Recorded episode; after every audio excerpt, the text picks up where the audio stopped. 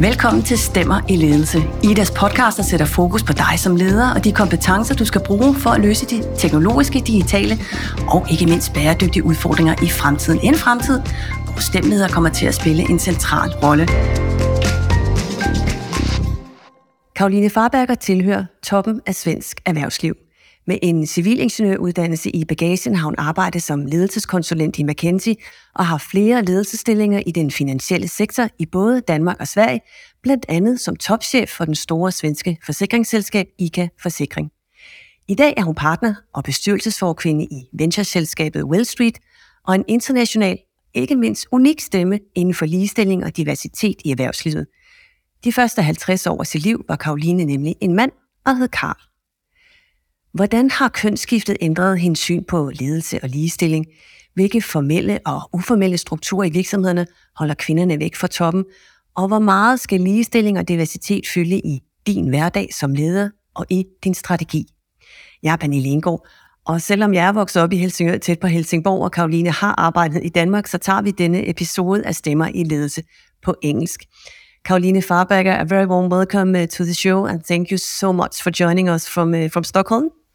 Thank you for having me here. You're welcome. Caroline, on uh, September 13, 2018, you left the CEO, CEO office at the uh, ICA Forsikring as Carl to return the next morning as uh, Caroline. How did you prepare yourself and your organization for, for that change? It was truly a big event, an overnight uh, gender transition. And I came to the conclusion, or you can put it as a decision, to do this uh, a little bit more than a year beforehand. And uh, being an engineer as I am, I'm a very structured person. So I uh, made a plan, a Gantt chart. Many uh, engineers can think of it as of all the things that I felt should be in place before I was ready to walk into the office as Caroline. First and foremost is to make my immediate family and friends uh, comfortable with my transition. Then there were a ton of practical things. I mean, you know, wardrobe, not the least, and uh, but also medical and legal aspects. And I decided to uh, come out to my employer my chairperson of the board five months prior to the transition date so that I could benefit from the help of my employer to have a communication plan because we also realized that this would be a big story uh, in media so that we needed to have properly prepared. So my employer helped me and uh, one week before my transition date, I summoned my executive team and uh, came out to them and told them that uh, while they have been seeing me as a man, as Carl, for uh, for many years, I've come to the conclusion that I'm a woman in my gender identity and that I will now live as a woman, and this will take place in one week from this date. They were, of course, shocked, but also uh, hugely respectful and promised to support me. And uh, I mentioned this to the employees at a big meeting only one day before my transition. Uh, so that the story would not leak out to media because uh, media wanted to have it as a uh, sort of a scoop the day of my transition. It was all very professionally done by by my employer, and uh, everything went very very smooth. I left the office at 5 p.m. on a Thursday afternoon as Carl in a suit for the last time, and came back to the office the very next morning as Caroline in a skirted suit and high heels. So it seems like that uh, that you're. Uh your employee and your executive team, they were kind of, okay, welcome, Caroline. This is uh, okay. We can manage. This is fine. We respect you. What about your, your employees, your organization? Uh, actually, uh, the same thing. Uh, we, uh, we, had a big sort of morning gathering the day when I came as Caroline, and, uh, and my chairperson had a short speech, and I had a short speech, and I told them that uh, that for me gender was just another packaging and that I wanted to continue as business as usual and have the same kind of business meetings that day as I would have had any other Friday. And uh, and the uh, they were extremely respectful. Only support, respect, and and, uh, and and also externally on social media, only respect and support. Okay, so so the Swedish business community overall was also welcoming Caroline in, in a respect, respectful yes, manner. Yes, and it may have helped that I actually came out through the leading business newspaper. In, in Denmark, you have Börsen. In Sweden, mm. it's Dagens Industri. And the day of my transition, I was front page news on uh, Dagens Industri, including a 10 page article in the weekend supplement, which helped me establish that transgender is very uncommon in the business community, but from now on, part of the new normal to live as who you are. So I was helped by uh, respected media in that sense. Mm. And so you, we should say that you was you were the first to come out in in the in the Swedish yes. business community. Yes. Yeah. If we look at the the difference between uh, Carl and Caroline as, as, as, a, as, a, as a leader. How would you describe Carl yeah, as a leader? Well, uh, Carl was a sort of a product of a very traditional school. Um, I mean, I've uh, my dual university degrees, and then I joined McKinsey as a management consultant. I was very adaptive and tried to mimic the uh, leadership style of those more senior to me, in that case, the partners and uh, you should be tough, um, uh, have a bit of American jargon, and uh, be very self-sacrificing when it comes to working hours and business travel, etc. Then when I went on to a line management career, I went to the Swedish insurance company Trygg-Hansa, which then became part of the Danish insurer Codan Forsikring. So I um, went to Copenhagen and worked in the Codan Hus in Frederiksberg for a couple of years. And then I got to no, so the what I call the Danish uh, or traditional Danish leadership style, that is that you as a leader needed to be uh, always have an opinion. Chefen ska alltid ha en hållning. You should all preferably be a bit a bit authoritative, markant in how you present yourself, so that you're never caught off guard, not knowing uh, where to go, but always have an opinion and always start my meetings by uh, describing the issues at hand and uh, the way I wanted those issues to be solved. Uh, to, uh, because I was also a young leader, having a, leadership team of uh, experts who were much more senior to me in age. So I had to sort of put on a tough facade to um, have some respect, I, I believed. Mm. So, can you give some examples, some situation where Caroline is, is different from Carl?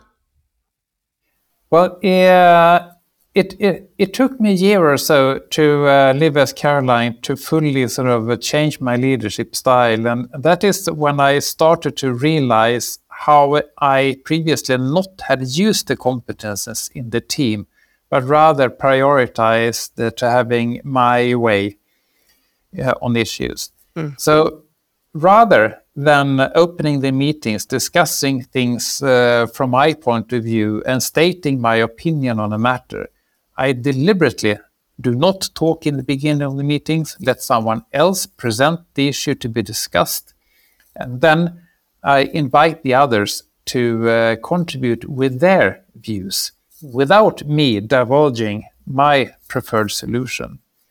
And only when everyone has spoken and I understand the perspective that everyone around the table has, then I make up my own mind, being influenced by the others, because only then I use the full competence pool in the room, compared to previously when I prioritized having my will implemented regardless of what the others thought.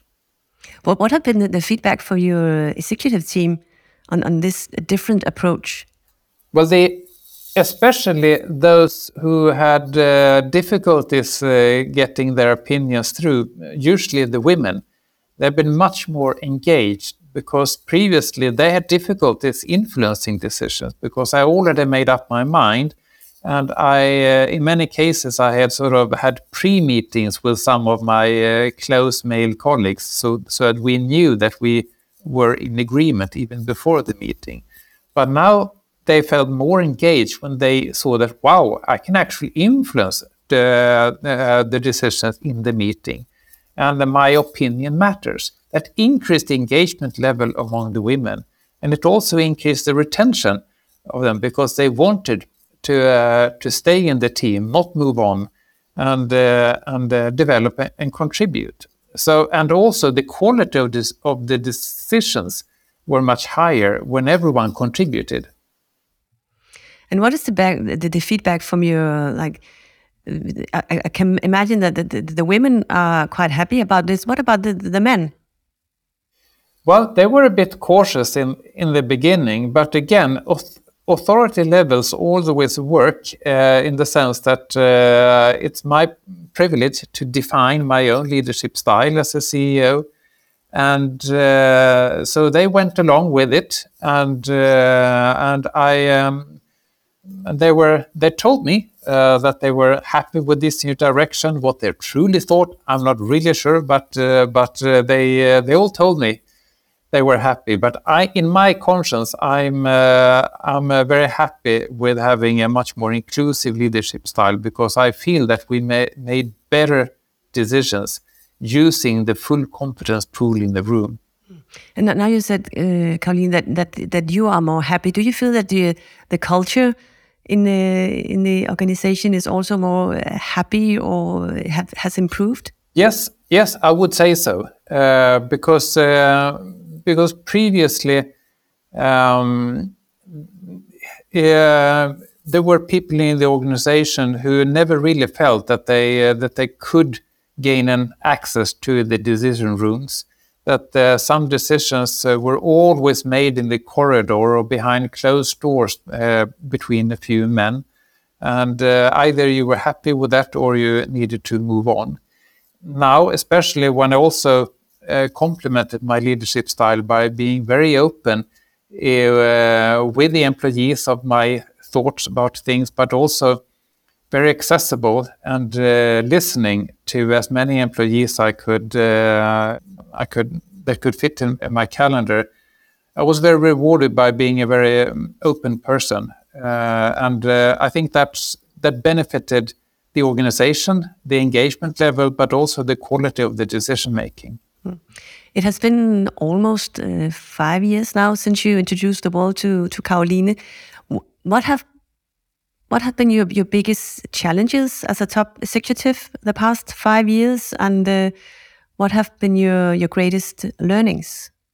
Well, the well, if you start with the learnings, because the challenges, I'm not sure uh, the the the learnings have been that I, I genuinely thought when I lived as a male executive that I had a full understanding of the gender equality and the situation for women in business. Yes, I noticed that we had an imbalanced uh, gender composition on senior levels, but I always thought there were rational explanations for that. For example, that that women didn't uh, uh, like having a career but only when I lived as a woman and talked to other women in business, uh, I learned that uh, the social structures in many cases work against the women. It's like we played the same game, football, but one team, the men, play a home game, and the other team, the women, play an away game.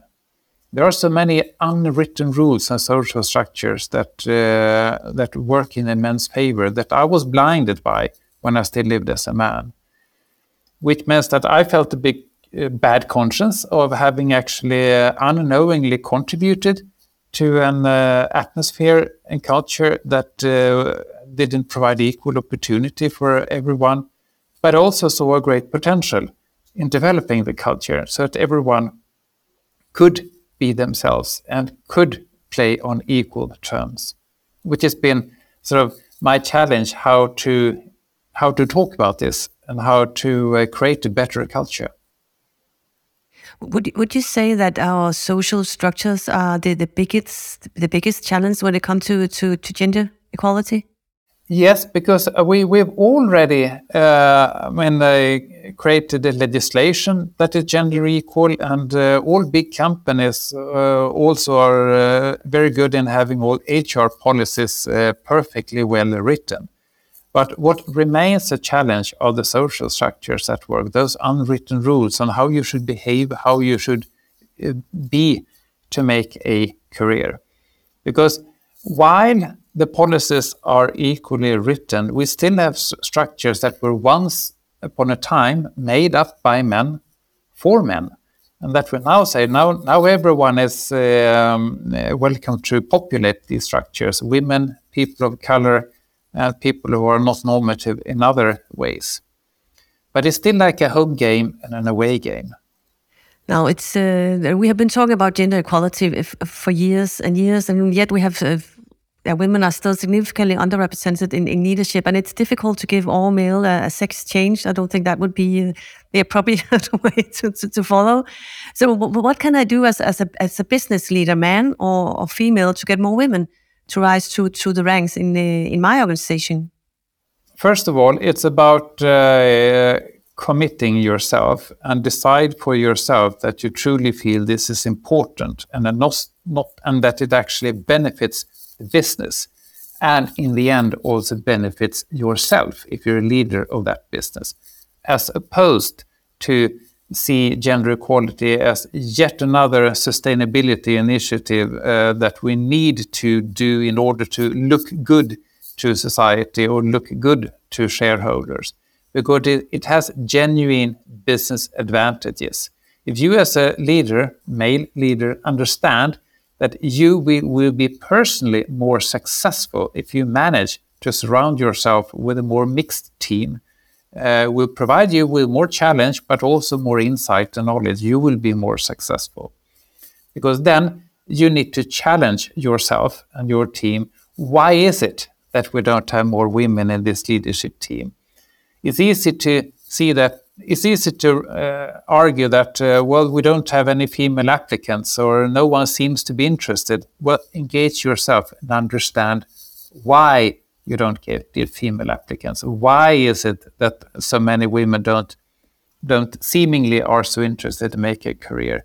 Maybe it's because you have your management meetings uh, late in the night, uh, or uh, so that you don't uh, can come home for dinner with the kids. Maybe it is because you require a lot of business travel, being away for the family. Maybe it's because the jargon is pretty tough. Maybe it's because those jokes that are made that are actually not at all that funny. Only if you truly scrutinize yourself, and but it's difficult to do that yourself. You need to liaise with a few women around you and ask these women, what would it take for you to be truly engaged having a career at this company and listen to those answers. Because you might be the problem yourself. So on on a, the best advice you can give if on on an everyday basis if i want to to change things what would that be? Listen to others. Don't be so preoccupied with your own thoughts. I remember back in the days when I walked around as a director and uh, in Copenhagen, I was always on a alerted level of tension. Whenever I was confronted with an issue, I felt pressed to always give a, clear-cut uh, answer how to solve it, and preferably being a bit markant also. But rather, slow down, open your mind, listen to what other people say, not assume what other people need or hear. Now, you, you told us, you, you worked in, in Denmark, and according to uh, to World Economic Forum and their uh, gender gap world outlook, uh, the Nordic country, except Denmark, leads the world when it comes to, to closing the uh, the gender gap. I think uh, Iceland, Norway, Sweden, and Finland are ranked one to four, and uh, Denmark is down like 32 or, or something. Now you have experienced the Danish business culture. Where are we different from from Swedish organization when it comes to to gender equality and, and diversity? Have you any advice?